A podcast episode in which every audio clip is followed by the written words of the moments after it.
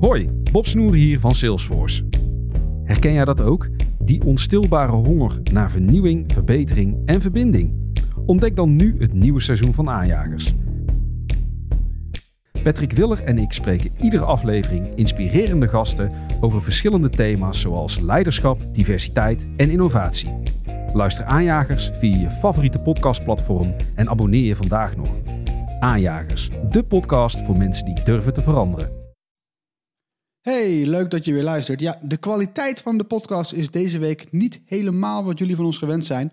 We proberen namelijk nieuwe opnamesoftware, maar daar is blijkbaar toch iets misgegaan. Daar gaan we allemaal naar kijken, dat gaan we oplossen. Maar daarom klinken we deze aflevering misschien soms een beetje raar.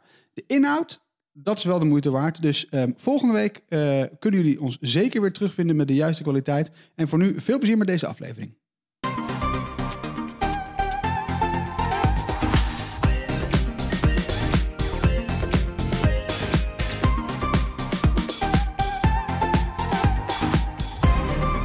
Welkom bij de Bright Podcast van woensdag 16 december.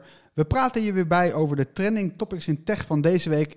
Ik ben Harm en aangeschoven vandaag zijn Floris, Hoi. Erwin Hey. en we hebben vandaag een speciale gast, namelijk PvdA-Europarlementariër Paul Tang. Ja, en Paul is hier niet zonder reden, want deze week krijgen we er nieuwe Europese regels bij. En ja, als die zo worden ingevoerd, dan gaan die nogal wat gevolgen hebben voor grote techbedrijven. Blijf luisteren, want we gaan beginnen.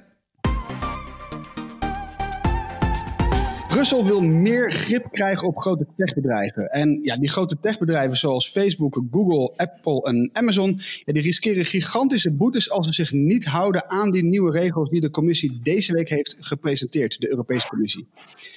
Die regels die moeten ervoor zorgen dat grote techbedrijven niet nog machtiger worden en eh, ja, ook machtsmisbruik voorkomen.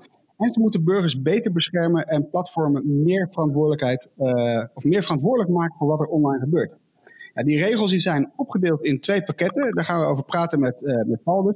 De Digital Services Act en de Digital Markets Act. Ja, Paul, uh, meteen naar jou dan. Um, kun je uitleggen uh, ja, in, in normale mensentaal, want ik heb ze gelezen, het zijn nogal papier, pakken papier. Um, kun je uitleggen wat het verschil is tussen die twee? Nou, dat kan ik wel proberen en ik probeer het eenvoudig te houden. Uh, eigenlijk staan in het ene pak papier uh, staan uh, eisen aan transparantie. Hè, waaraan moeten digitale diensten voldoen? Bijvoorbeeld, hè, als je een uh, tijdlijn aanbiedt, moet je uitleggen hoe die tijdlijn tot stand is gekomen. Ehm, advertenties uitleggen hoe die, waarom die advertentie op jou gericht is. dat, zijn, dat zijn regels die gelden eigenlijk voor iedereen. Gaat met name voor elke aanbieder. Met name eisen aan openheid.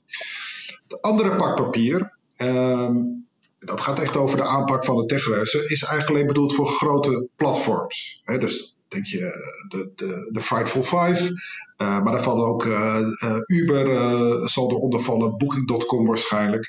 En in dat pak papier over die grote platforms staat eigenlijk hoe groter het platform, hoe meer verantwoordelijkheden ze hebben. En die verantwoordelijkheden die worden uh, in dat pak papier dan ook wel weer uitgelegd. Zo mogen niet zomaar data worden gecombineerd. Je mag ook niet zomaar uh, data van je concurrenten gebruiken. Bijvoorbeeld bij, uh, dat is belangrijk voor Apple en Amazon, die een platform beheren, maar ook zichzelf op dat platform begeven. nou, dat soort regels worden, worden vastgelegd voor die grote platforms. Ja, dat, dat, dat is uh, helder eigenlijk. Um, maar ja, het eerste wat mij dan uh, ja, bekruipt is, ja, waarom zijn dan die nieuwe strengere regels eigenlijk nodig?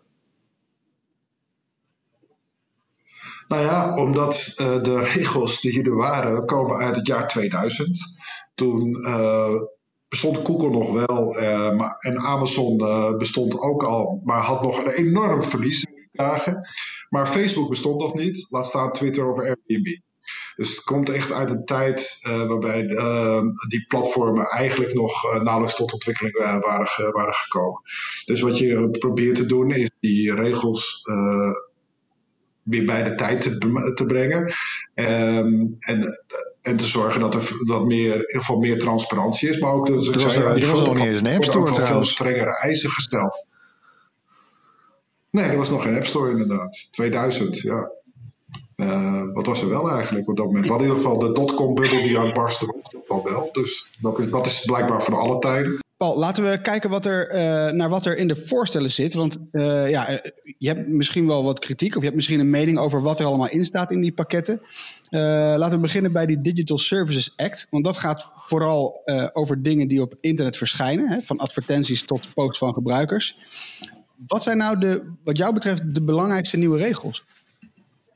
Nou ja, uh, belangrijke nieuwe regels vind ik wel dat er meer transparantie komt. Waarom krijg je aangeboden wat je wordt aangeboden, of het nu advertenties is of tijdlijnen? Ik vind dat zelf wel.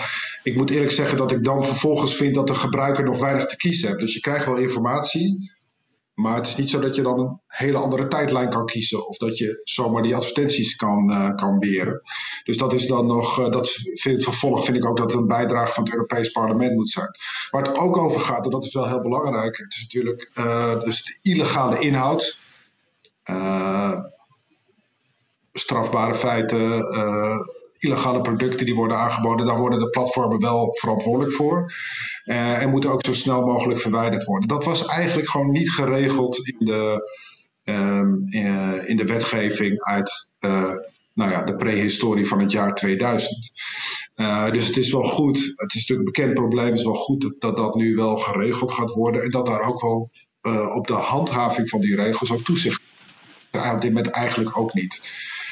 Dus dat zou, de eigen, dat zou het internet een wat veiliger plek moeten maken. Uh, dus dat vind ik een, dat vind ik een voordeel.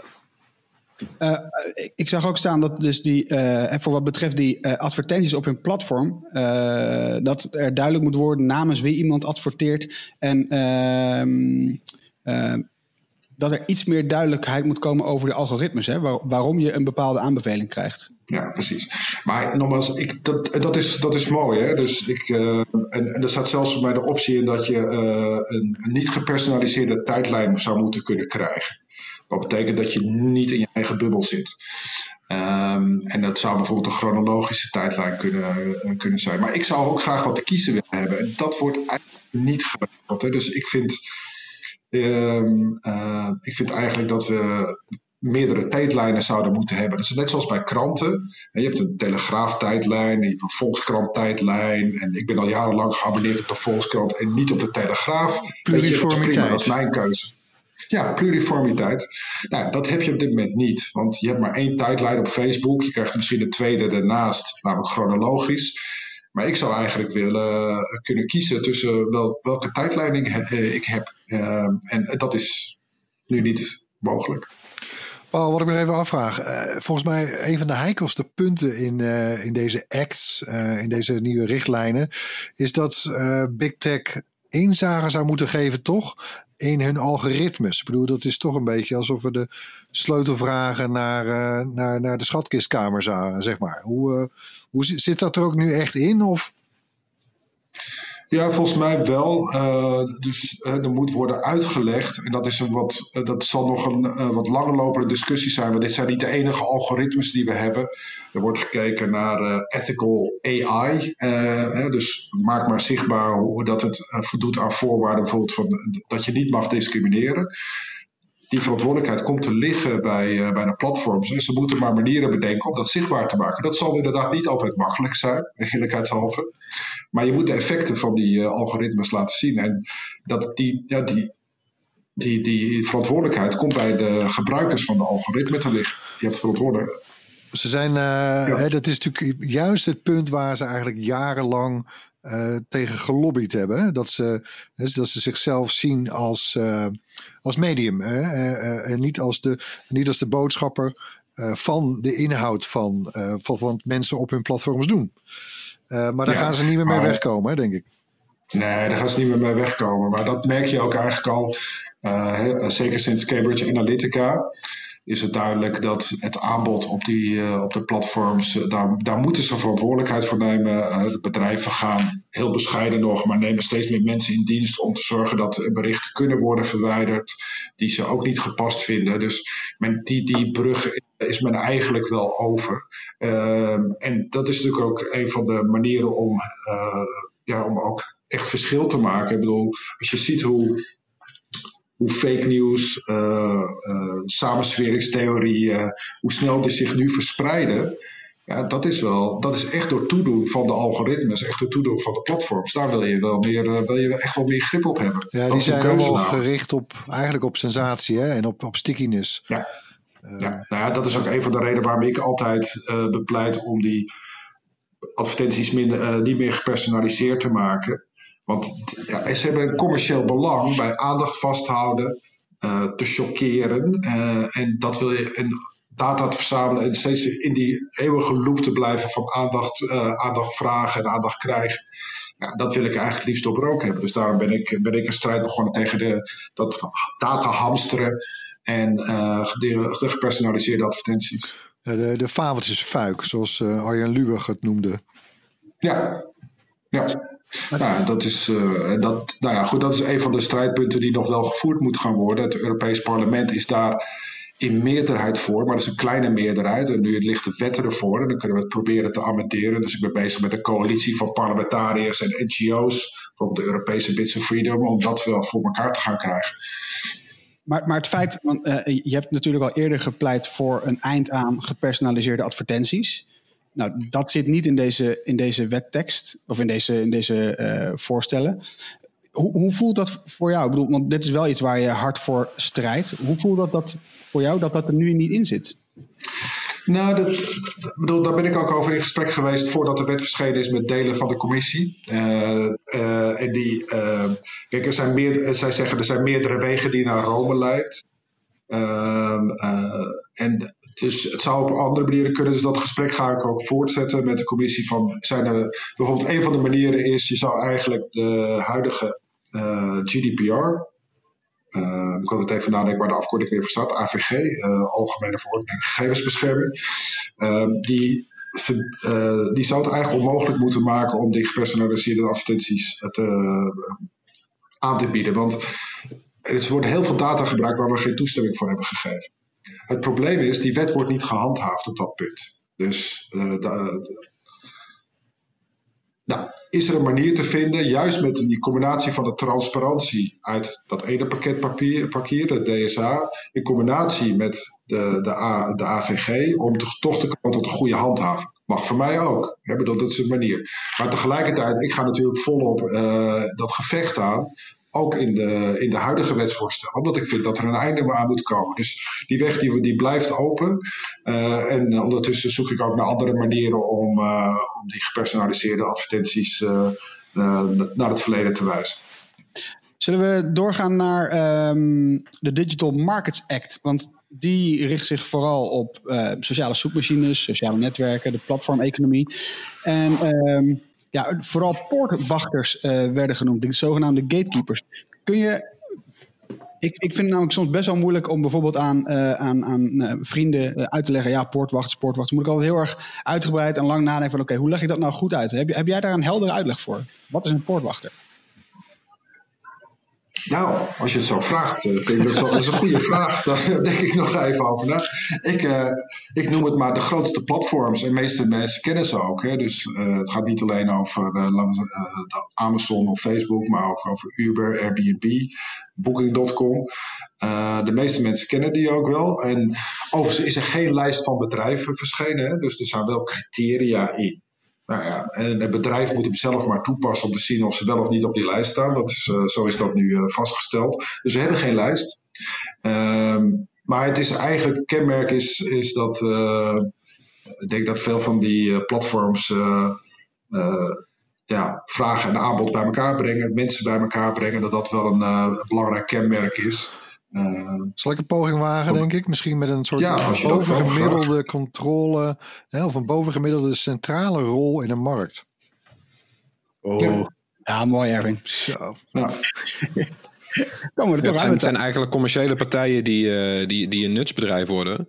Ja. Maar daar wel heel veel winst uitslaan. En, en op die manier inderdaad dan... Nou ja, zij zijn de gatekeeper. Er komt geen concurrent meer tussen. Uh, en iedereen die afhankelijk is van die partij... moet aan hun eisen voldoen. Mm. Ja. Oké, okay. dan naar de, de, de, nieuwe regels. Want wat, wat zijn, wat jou betreft, Paul, de belangrijkste besluiten uit, uit die, nou, de DMA, die Digital Markets Act? Ja, eigenlijk is dat een eis aan gedrag. Je, moet, uh, je mag geen oneerlijke concurrentie uh, uh, laten plaatsvinden. Ik denk dat, dat dat is op verschillende manieren toepasbaar. Je mag dus niet de data gebruiken van een concurrent. Dan, wordt een app aangeboden op de App Store, daar leert Apple van en dan kan Apple die data gebruiken om hun eigen producten beter te verkopen. Dat mag niet. Uh, je, mag, uh, je mag ook niet uh, concurrenten op, op, een, op of andere manier weren door ze toegang te geven tot, tot, tot de software. dus heel veel restricties die bedrijven nu hebben, zoals Google en Apple hebben, om concurrenten buiten de deur te houden, die verdwijnen. Nou, dat is eigenlijk het basisidee van al die eisen die worden gesteld aan, uh, uh, aan de grote platforms.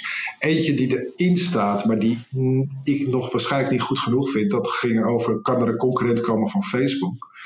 Dat heet dataportabiliteit.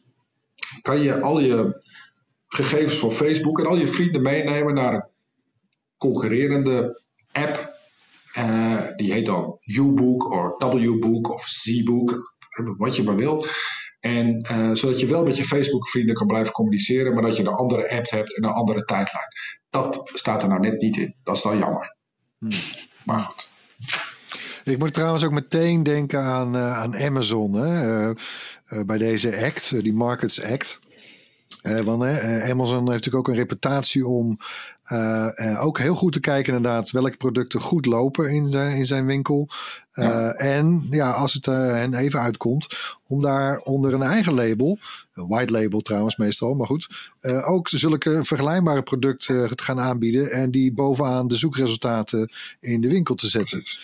Um, ja, ja, dat is precies. Toch? Ja, dat is ook uh, dat is precies waar deze richtlijnen voor zijn bedoeld. Nou, en mooi ook, want ja, trouwens, ik ben een beetje fel op, uh, op Amazon. Want kijk, waar, waar ook Google en Apple en Facebook, ja, die zijn ook uh, uh, uh, die, die, die misbruiken in feite ook hun grootte. Maar bij Amazon vind ik het echt heel erg schunnig uh, worden. maar, hè, omdat ze, ze gebruiken, ze, ze hollen eigenlijk het kapitalisme uit. Weet je, ze gaan dermate onder kostprijs zitten. Hebben oneindig diepe zakken via investeerders. En concurreren echt alles en iedereen op die manier kapot. je, het, dat, ik bedoel, we hebben het wel eens over disruptive. Uh, en dat bedoelen we trouwens meestal in, in, in een positieve, op een positieve manier. Maar ja, dit is gewoon zo ontwrichtend. Uh, ja. Dus ik ben heel erg benieuwd uh, of, of Amazon van deze richtlijnen een beetje begint te zweten.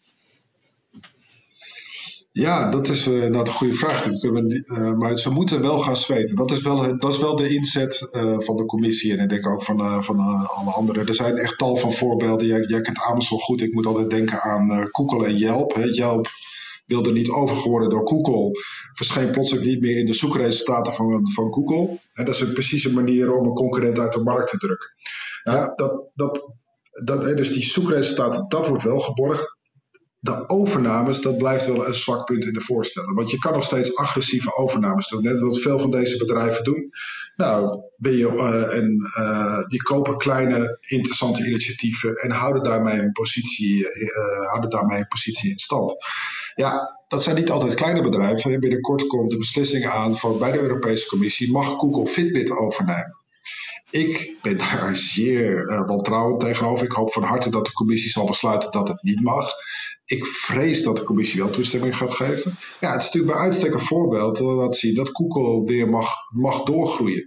Niet alleen doordat ze het bedrijf uh, uh, zeg maar inlijven, maar ook omdat ze de behorende data op termijn dan gaan inlijven. Ze zullen de eerste vijf jaar er misschien geen gebruik van mogen maken. Ze moeten wat wat, wat toezeggingen doen aan de commissie. Maar ja, uiteindelijk komen die gegevens weer in de handen van, uh, van Google terecht. En dit zijn gegevens over gezondheid. Dus je kan een onderscheid gaan maken tussen uh, gezonde en, en zieke mensen. En dat, dat zijn ontwikkelingen die, die, ik, die ik buitengewoon link vind. Maar het punt wat ik wil maken, die agressieve overnames, dat blijft, blijft een van de mogelijkheden. Dus in de wetgeving moet, het wel, moet er wel gemeld worden dat je een overname gaat doen. Maar ja, dat betekent nog niet dat het niet is toegestaan. Is dat trouwens ook niet. Ik kan me goed voorstellen dat dit zeg maar het moeilijkste punt is in deze richtlijnen. Hè? Want ja, wanneer wordt het zeg maar echt verdergaande overheidsbemoeienis met de markt? Hè, we, we, leven hier niet in China ook. Uh, dan, hè? Nee, maar we, we, dus het lijkt me heel erg balanceren daar. Nee, dat vind ik niet, om eerlijk te zijn. Als je kijkt naar Amerika, wat toch het, het land is van het kapitalisme, uh, daar wordt gewoon gekeken van kunnen wij Facebook weer opsplitsen en uh, WhatsApp en Instagram lostrekken. Want dat was uiteindelijk toch een fout om daar toestemming voor te, voor te geven. En, sterker nog, ook in Amerika wordt het overnamebeleid van Google, die agressieve overname van door Google, wordt onder de loep genomen is dit niet de manier om concurrentie eh, uit de markt te drukken? Dus ja, dat kunnen wij ook. Is dit trouwens dan niet heel lastig vorm te geven? Hè? Want, want ja, wanneer, wat voor criteria formuleer je dan? Moet een bepaal, mag een bedrijf een bepaalde grootte niet hebben? Of een bepaald marktaandeel in de markt niet hebben? Of hè, hoe, hoe zou je dat dan vormgeven? Ja, dat is op zich een, een, een goede en terechte vraag. Ik denk dat uh, een tijd lang het belang van data onderschat zijn dat is zo gebeurd bij de overname van WhatsApp en Instagram. Um, maar dat is niet langer vol te houden. Dus je ik denk dat het heel belangrijk is om de rol van data mee te nemen. Uh, en te kijken of de data uh, niet zo worden afgeschermd dat het daarmee weer concurrentie uit de markt drukt. Want dat is waar het om gaat. En zou, eigenlijk zou je data die uh, van algemeen belang zijn, zou je ook aan algemeen willen algemeen, willen algemeen toegankelijk willen maken, zodat iedereen daarvan uh, kan, uh, kan profiteren. Nou daar heb je dus een balans tussen algemeen belang en het individuele belang van privacy, voor alle duidelijkheid. Dus dat is ook. Maar je, dus je moet dus even, even, kijk naar data. Dat is, uh, dat is, dat is les 1, de, denk ik. Ten Follow tweede, data. Moet je, ja, the data. Heel goed. dan ten tweede ik denk dat omvangen wel degelijk toe doet. Ik bedoel, als je denkt dat we te maken hebben, als je gewoon kijkt, de vijf grootste bedrijven in de wereld, by far, zijn die Amerikaanse techgiganten. Dat mag je wel degelijk laten meewegen. Ik bedoel, er is geen enkele reden om uh, techgiganten nog gigantischer te maken.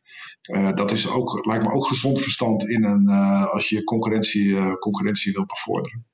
Maar ondertussen, ik bedoel, dit, dit zijn nu voorstellen, die liggen er. Uh, Margrethe Verstager, dus de, de eurocommissaris van mededinging die deze plannen gisteren presenteerde, die geeft zelf ook toe, joh, dit kan nog wel twee jaar duren voordat, eh, voordat dit echt iets is waar mensen zich aan moeten gaan houden. Ondertussen zijn er inderdaad die overnames uh, die al op, het, uh, op de planning staan. Je, noemde net Google en Fitbit. Um, als het zo lang duurt, heeft, ja, heeft het dan wel zin? Dat is misschien niet een goede vraag, maar het, het duurt zo lang. En ondertussen worden de techbedrijven groter en groter en groter. Toch? Ja, ik ben wel een beetje eens dat we enige haast hebben. Anderzijds hebben we gewoon twintig jaar met dezelfde wetgeving gedaan. Dus dan kan die twee jaar er ook nog wel, uh, kan er ook nog wel bij. Zo kan je ook redeneren. Ja, het is zoals het is. Het is, het is, het is wetgeving dat moet door, uh, door democratische besluitvorming. Dat, is niet, dat is niet te veranderen. Wat wel kan, is dat je, wat je natuurlijk wel ziet, is dat er soms wat vooruit kan worden gelopen op wetgeving. Ik vind het heel goed vinden als de commissie strenger wordt in, uh, tegen overnames. Uh, dat zou ik, op zich, uh, zou ik op zich prima vinden. Moet dat wel weer een beleidslijn zijn die ze wel uitvaardigen? Want dat gaat natuurlijk, ja, je moet wel, ehm, je moet wel openbaarheid betrachten. Je kan het niet zeg maar stiekem doen, zo werkt het niet. dus ja, het, het, is niet anders dat, dat, we dat, even, dat dat even tijd kost. Part of the deal. Um, ja. Ondertussen, uh, want deze regelgeving, die, wat, wat gebeurt er nu met deze voorstelregelgeving? Hoe, hoe gaat het pad lopen totdat het definitief is? Nou ja, er is nu een voorstel van de commissie. De commissie heeft het recht van initiatief, zeggen we dan. Het Europees Parlement en de Raad, dat zijn de landen, moeten een positie innemen. Die posities komen weer bij elkaar. Uh, er wordt onderhandeld tussen de Raad en het parlement met de commissie als bemiddelaar. En uh, dat is dan de finale wetgeving. Zo werkt het in Europa. Dus er is iets, iets verschillen. Dus in, in, Nederland heb je het eh, parlement en het kabinet. Wij werken altijd met drie partijen. We hebben ook onderhandeling met drie partijen. Maar uiteindelijk uh, moet daar dan de, de wetgeving. Daarom kost het ook tijd. Mijn ervaring is, daardoor, is wel overigens. Uh, het is niet voor het eerst dat ik wetgeving doe in, het, uh, in Brussel wetgeving verandert daardoor wel nadrukkelijk. Ja. dat is, dus wat ik, ik ben lid geweest van de Tweede Kamer. Daar werden wel wat amendementen ingediend, maar dat was toch een beetje kras aan het oppervlak, eerlijkheidshalve. Hier kunnen wetten wel degelijk uh, fors, fors veranderen in de loop van de tijd. Vaak ook door toedoen van het Europees Parlement. Ja, dus al die teksten die we nu hebben gelezen, die kunnen over twee jaar eigenlijk best wel anders zijn. Ja, dus als je nog goede voorstellen hebt, moet je ze nu gaan indienen. Dat is interessant. Dus dat is, dat is mooi. Dat is nog een mooi punt. dat doen we gewoon via jou, Paul. Mag dat? Ja, ja, is goed. Daar heb ik wel dat je dan even de, de bright uh, luisteraars en kijkers meeneemt. Dat zij ook mogen meedoen. Dat vind ik dan wel leuk. nou ja, je, je, je kan wel wetsvoorstellen, zou je ook moeten kunnen crowdsourcen, denk ik dan. Dat is wel ja. interessant. Ja. Maar kijk, nou. Google en Facebook en, en, en Amazon en Apple, die luisteren natuurlijk uh, ook allemaal braaf naar deze podcast. Ja, wat vinden jullie er allemaal van?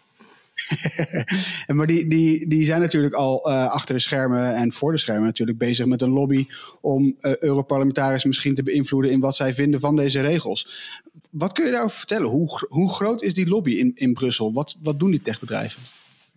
Ja, ik, wat ik hoor is die lobby altijd heel groot. En dat zal, dat, dat zal best. Ik bedoel, uh, ook ik krijg verzoeken om tot gesprekken om koffie te drinken.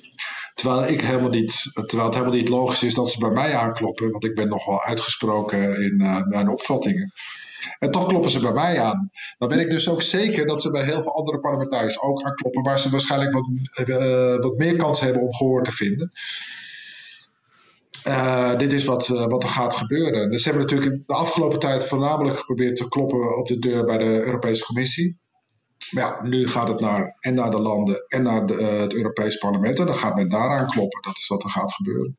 Ja, de karavaan van jongens die rondjes rijden. Ja, en het is waarbij wel zo. Kijk, de lobby heeft het meeste succes bij politici die denken: wat goed is voor de economie is goed voor ons. Dan mag jij uitvinden waar die zitten, zeg maar in ja. het politieke spectrum. Uh, maar dat, dat, maar daar, daar vinden, ze, vinden ze de beste ingang.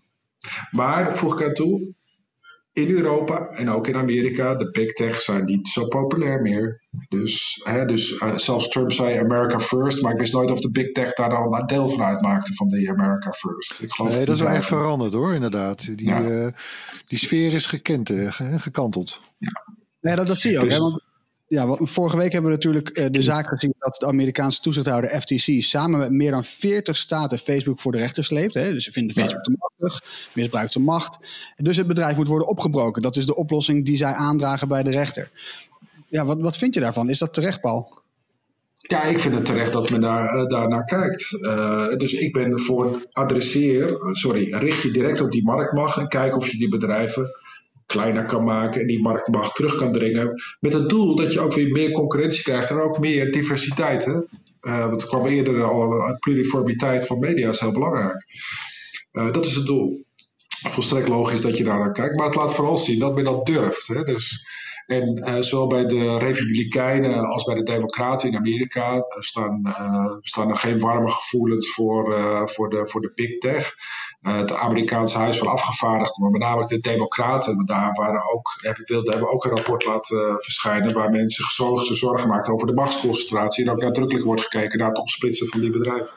Oh, ja. heb je trouwens de indruk dat misschien wel het kantelpunt is geweest dat social media met name dan, hè, dus Facebook, eh, maar ook wel YouTube, uh, zoveel ja, fake news voortbrachten en eigenlijk een factor van betekenis werden in verkiezingen. Kortom, ze kwamen op het politieke terrein. Ja, ik denk dat dat zeker uh, meespeelt. Uh, is een goede vraag. Ik, denk, ik zie zelf de omslag bij Cambridge Analytica. Uh, want dit was toch wel beïnvloeding van, van, van verkiezingen. En dan raak je de democratie.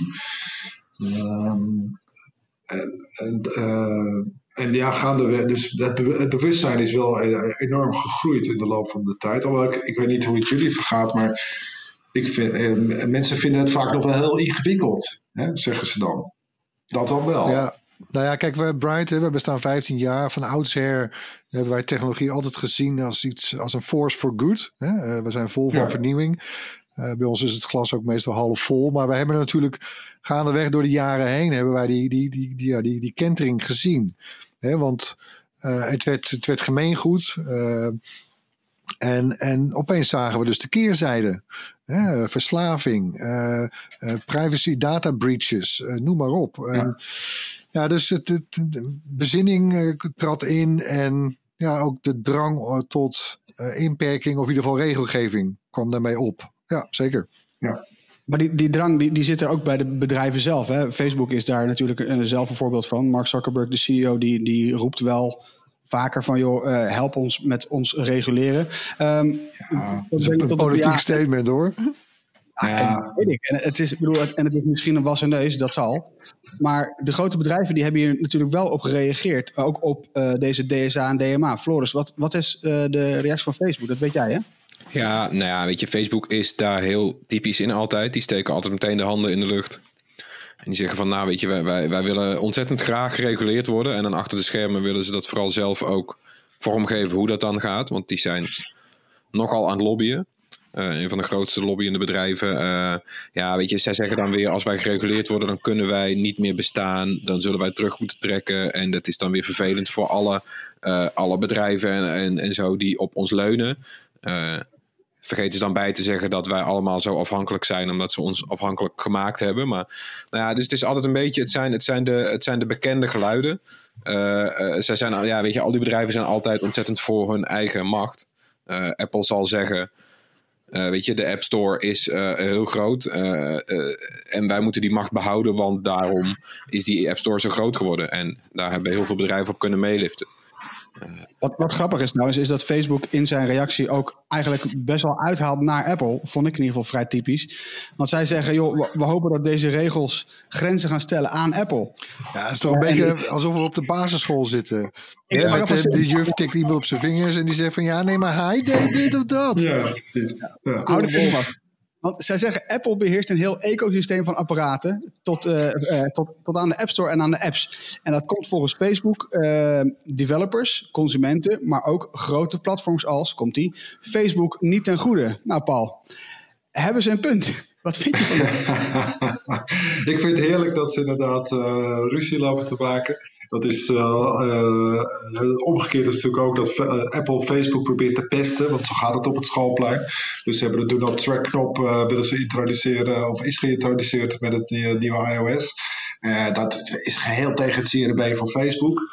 Want ja, dat is nou net hun bedrijfsmodel. Dus Facebook, 99% van hun inkomsten is advertenties. Dus Apple raakt hier het hart van Facebook, waarvan ik dus ook vind dat de Europese Commissie dat moet doen. Um, dus ja, dit, is gewoon uh, vechten tussen, tussen twee, uh, twee techgiganten. Misschien op een kinderachtige manier, maar uh, er staat veel op het spel, vooral bij de bedrijven. Paul, wat ik me nog even afvraag. Apple afgelopen jaren is zich steeds meer gaan onderscheiden, juist op dat punt van data, van privacy. Um, hoe kijk jij daar tegenaan? Want dat is bij jou, hè, staat dat ook hoog in je vaandel. Ja, is dat allemaal marketing speak of zit daar wat, wat, wat jou betreft een kern van waarheid in? Nou, het, ik denk dat het beide kan zijn. Hè? Dat het en uh, voor de verkoop uh, kan zijn en dat het tegelijkertijd waar is. Want ik, als je kijkt naar het verdienmodel van Apple, het, het is toch met name de App Store en, en, en hardware. Zij verkopen niet de advertenties. en voor die advertenties heb je heel veel persoonlijke data nodig. Dus Apple kan heel goed buiten die persoonlijke data. Dat is niet hun verdienmodel. Dus, zij, dus dus het, ze doen het voor de verkoop en tegelijkertijd past het past namelijk in hun, uh, past in hun straatje. En tegelijkertijd is dat, dat zichzelf een goede ontwikkeling. Nu ik weet dat in de iOS die Apple, die, die, die knop komt, noem maar Do Not Track Me knop, heb ik ook gekeken. Hij zit ook in Android, wel wat verstopt. Ik weet alleen dus niet wat de rijkwijde is van die knop. Maar dit is eigenlijk wat ik wil. Je wil eigenlijk, we hadden ooit een, een, een belmanietregister. Ik denk dat het nog steeds bestaat. Weet je? Maar dat wil ik eigenlijk ook op internet hebben. En ik wil het niet elke keer doen als ik op een website kom. Uh, dan kom ik weer bij Bright, moet ik weer aanklikken. Nee, dat wil ik niet, zeg maar. Uh, ja, dan zijn we ook niet blij mee hoor. Doen. nee, maar ik wil het in één keer kunnen zeggen. Bel me niet. Uh, dus do not track me. Dat is eigenlijk wat ik, wat ik wil. En ik weet niet zeker, ik, ik, denk niet dat Apple en Android dat echt verzorgen. Dus dat je dat, dat, je dat gewoon goed moet regelen.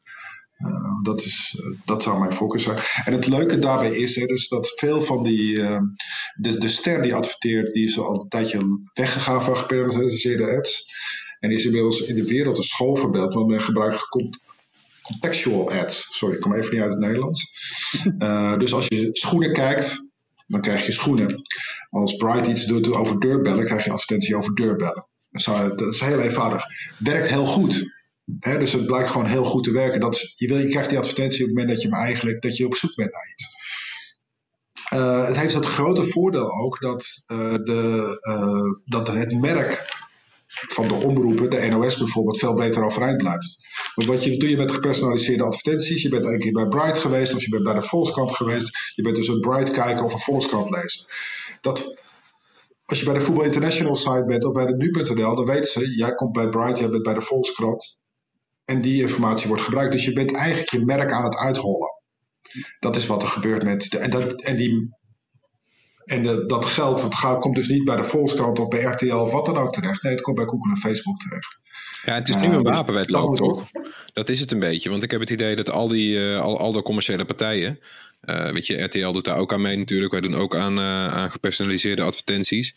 En ik heb het idee dat het altijd een beetje een wedloop is. Als, ja, weet je, als wij die doen, doen zij het wel. Ster is daar nu van afgestapt. Die zijn in de prettige positie dat zij niet 100% afhankelijk zijn van advertenties. Maar het laat inderdaad wel zien dat de gepersonaliseerde advertentie eigenlijk helemaal niet waardevoller is dan zo'n contextuele advertentie.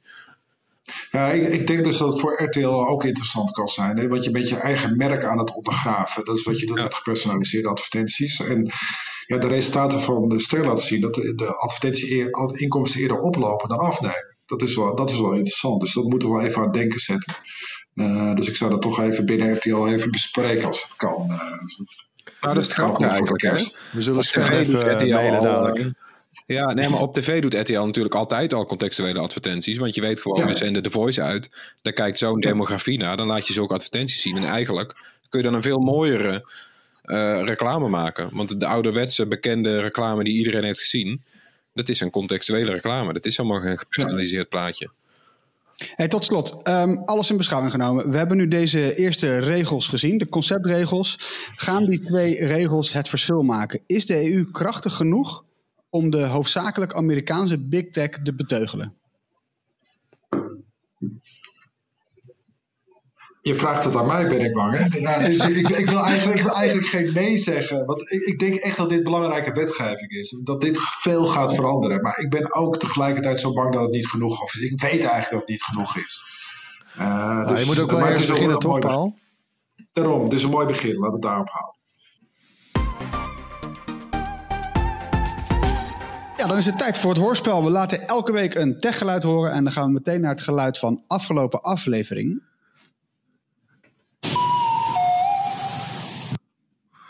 Ja. Uh, ja, ik ken hem niet. Ik ken hem echt niet. Jij bent een notaris, Loris. Uh, dus... Nou ja, weet je, het zal wel bekend klinken al een beetje voor liefhebbers van Zelda. Want het klinkt een beetje als een ocarina. Uh, maar het komt ook uit een Zelda-game. Uit uh, Hyrule Warriors Age of Calamity. En daar zit een Egg Guardian in. Dat is een super schattige, hele kleine versie van de enge Guardians uit Breath of the Wild. Mm. En die maakt dit geluidje. En dat hoorde Caio Oliveira. Dus gefeliciteerd Kajo, dat Bright T-shirt komt jouw kant op. Hebben we ook een nieuw geluid, hè? Ja. Komt u hoor.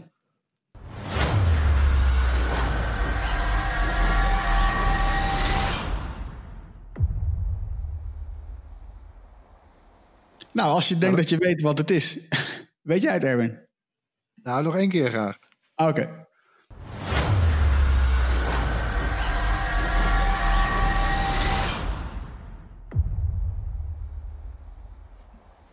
Ja, nou, als je denkt dat je weet wat het is, je antwoord kun je sturen naar podcast.bright.nl. En onder de mensen die het juiste antwoord insturen, verloten we uiteraard dat gewilde Bright T-shirt. Gaan we naar het korte nieuws van deze week. Ik, uh, ik wil het even hebben over de tweede lockdown. Die is in werking getreden. Dat heeft niemand gemist volgens mij in strijd tegen corona. En ja, ook basisscholen die, bleven, die blijven na de kerstvakantie nog even gesloten. Een derde van de scholen zegt niet goed voor te bereiden, uh, voorbereid te zijn op het geven van het alternatief, namelijk onderwijs op afstand. En ook hebben uh, nog lang niet alle kinderen de beschikking over een computer of tablet. Sterker, volgens de Algemene Vereniging uh, Schoolleiders heeft één op de vijf leerlingen geen computer of tablet tot zijn of haar beschikking. Uh, op 42% van de scholen hebben wel alle leerlingen momenteel al een laptop of tablet die geschikt is voor dat thuisonderwijs. Ja, ja, dat godsamme, kom op. Nee, we zijn tot Nederland, man. Uh, een van de tien rijkste landen ter wereld. Dit moeten we toch eens even gaan fixen. Ja. er, was ook, er is ook wel een, een, nog steeds een som subsidie. Hè, voor extra, extra laptops voor leerlingen. Iets van 6 miljoen euro, geloof ik zelfs. Maar ja, die levering vindt pas de komende maand plaats. Ja, het lijkt verdomme net uh, de testcapaciteit waar we eigenlijk vier maanden te laat mee waren. Maar goed, ja, allemaal hopelijk schiet het op. Ik, wat ik alleen hoop als ik dit soort dingen lees, is, is ja, ik, eh, ik, ik ben dan zo benieuwd of dit zorgt voor een soort van kloof in, in de digitalisering als in het onderwijs. Dat is al gebeurd, Harm. Dat is al gebeurd. Ja. zeker. Dat bedoel, we hebben natuurlijk in, in, in, het voorjaar we dat ook een paar maanden gehad. Nou, dat was in, in sommige gevallen gewoon schrijnend. Ja. Ik, had, ik kan één situatie herinneren waarin de juf uh, een soort overzicht deelde met alle leerlingen van wie, wie welke taakjes allemaal al had gedaan is eigenlijk een beetje een data breach, kun je zeggen. Maar goed. Ja. En dan zag je meteen kinderen die gewoon nog helemaal niks hadden gedaan. Weet je, die dus ook waarschijnlijk thuis niet begeleid worden. Of ja, ik vond het echt. Uh, of dus echt, niet echt zielig. Ik bedoel, stel dat je uit. Uh, uh, zullen ongetwijfeld arme gezinnen zijn waar, waar het kopen van dit soort apparatuur misschien niet tot de mogelijkheden behoort. Dus dat is natuurlijk ontzettend schijnend. Nou, ik, ik hoop maar dat dit soort subsidies dan snel beschikbaar zijn om dat te voorkomen in ieder geval. Ja, ik, uh, ik wil het hebben over uh, Cyberpunk. Net als vorige week, de game is nu echt verschenen. Cyberpunk uh, eh, 2077. Misschien wel de meest verwachte game van het jaar. En het valt voor sommigen toch een beetje tegen. Vooral op de oude PlayStation 4, het eerste model, en de, de, de Xbox One. Ja, draait hij gewoon niet zo goed. hij hapert, de HDR die doet het niet goed. Ja, weet je, het, ziet, het ziet er allemaal net niet. Het ziet er allemaal raar uit en zo. En uh, veel spelers klagen ook over bugs. Uh, poppetjes die rechtop in een T-positie blijven staan. Alles uh, slaat over. je kan ook, gek genoeg, in die game kan je eigen geslachtsdeel personaliseren. Wat? Wat? Ja, je kan kiezen of je een grote piemel wil of niet. En die steekt dan, gek genoeg, door een bug ook uit de broek constant. Dus het, nou ja.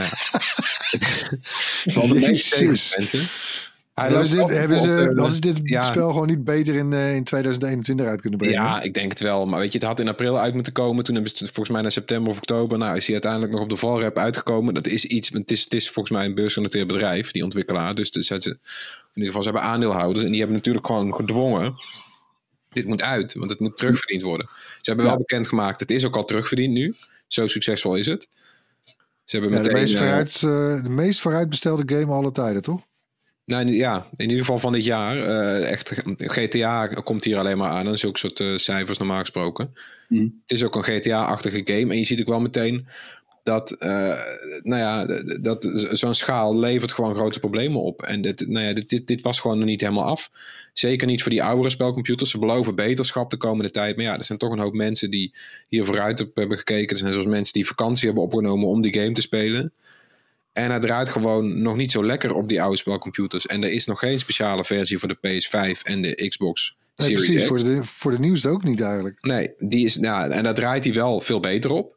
Uh, heb ik gezien. Dat, maar dan, dan, ja, dan speel je dus een PS4-game op PS5. Is ook nog steeds niet optimaal. Je haalt er nog steeds het meeste niet uit. Ja, weet je, eh, op spelcomputers kan je eigenlijk best, tenzij je dit gewoon ja, prima vindt en te accepteren. Maar als, als je nog uh, twijfelt, wacht dan. Ja. Uh, en uh, als je teleurgesteld bent, kan je ook je geld terugvragen. Dus dat is ook wel geregeld. Uh, ze hebben ook een excuses aangeboden, de ontwikkelaar, dat ze toch wel geld gaan teruggeven. Uh, ja, ik, nou ja. heb ook het gevoel gehad, want ik, nou, ik heb het ook gevraagd aan, aan wat collega's, onder andere Erik, die ook de, de Gamer.nl podcast host. En ik vroeg ook aan hem van, joh, moet ik deze game nou kopen of niet? Want ergens, ja, het lijkt me wel heel leuk, de, de setting is tof. En eigenlijk is zijn conclusie, en die kun je ook horen in hun podcast, van ja, nee, je moet eigenlijk gewoon wachten. Het, het is, ja. wacht gewoon.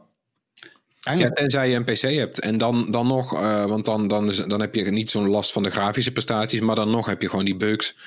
Uh, terwijl je, nou ja, er zit een heel tof verhaal in, hoor ik van iedereen. Maar dat wil je het liefst toch op, op de soepelst mogelijke manier spelen. Ja, ik, uh, ik heb nog een nieuwtje. Natuurlijk de AirPods Max we dachten dat, uh, dat we met de komst van die uh, eh, M1-chip, uh, eh, dat toch het jaar, het volle agendajaar van Apple wel compleet was. Maar nee hoor, er was nog één, nog één verrassingje. En dat was dus die AirPods Max, de eerste AirPods koptelefoon, een over-ear koptelefoon. En ja, halve internet die verslikte zich toen ze de prijs hoorden. 630 eh, euro. Ja. Tering. Hè, daar, uh, als ik even het uh, grove woord mag gebruiken. Dat schoot in ieder geval wel meteen door mijn hoofd. ik, heb hem, ik had hem als een van de eerste in Nederland heb ik er een, mogen ontvangen en kunnen testen. Hè, mijn video kun je ook nu zien op ons YouTube kanaal. En nou, even de, de korte versie, want ga vooral die video kijken natuurlijk. Maar geweldig geluid. geweldige ruisonderdrukking. En die transparantiemodus uh, werkt ook uh, heel erg goed. Een opvallend design natuurlijk, maar die prijs. En die case, dat, maakt, dat maakt die Max tot een soort, ja, soort draag, een soort handtasje. het ziet er een beetje weird uit eigenlijk, maar goed. Heel raar. Ja, ik denk, weet je, Apple fanboys, uh, weet je, de ding is wel zo goed. Uh, ja, bestel hem maar gewoon. Uh, als je dat nog niet gedaan hebt. Want als je dat nu gaat doen, dan ben je pas ook ergens in maart, april aan de beurt. Maar, en eigenlijk alle andere mensen, nou ja, koop, koop maar gewoon lekker een Sony of een Bose. want het is gewoon een veel betere deal. Oké. ik moet ook denken van ja, wat nou, wat nou als je nu zeg maar 500 piek klaar hebt liggen. Nou ja, hmm, laat ik een PlayStation kopen. Oh nee, nee, nee, nee, dat kan niet. Laat ik anders een Xbox kopen. Hmm, gaat ook niet lukken. Nou ja, 150 piek erbij, koptelefoontje. Nee hoor, ook niet. nee, ik zou gewoon een paar games kopen voor je Nintendo Switch. Daar kun je gewoon meteen mee aan de slag. Zo is het ook weer.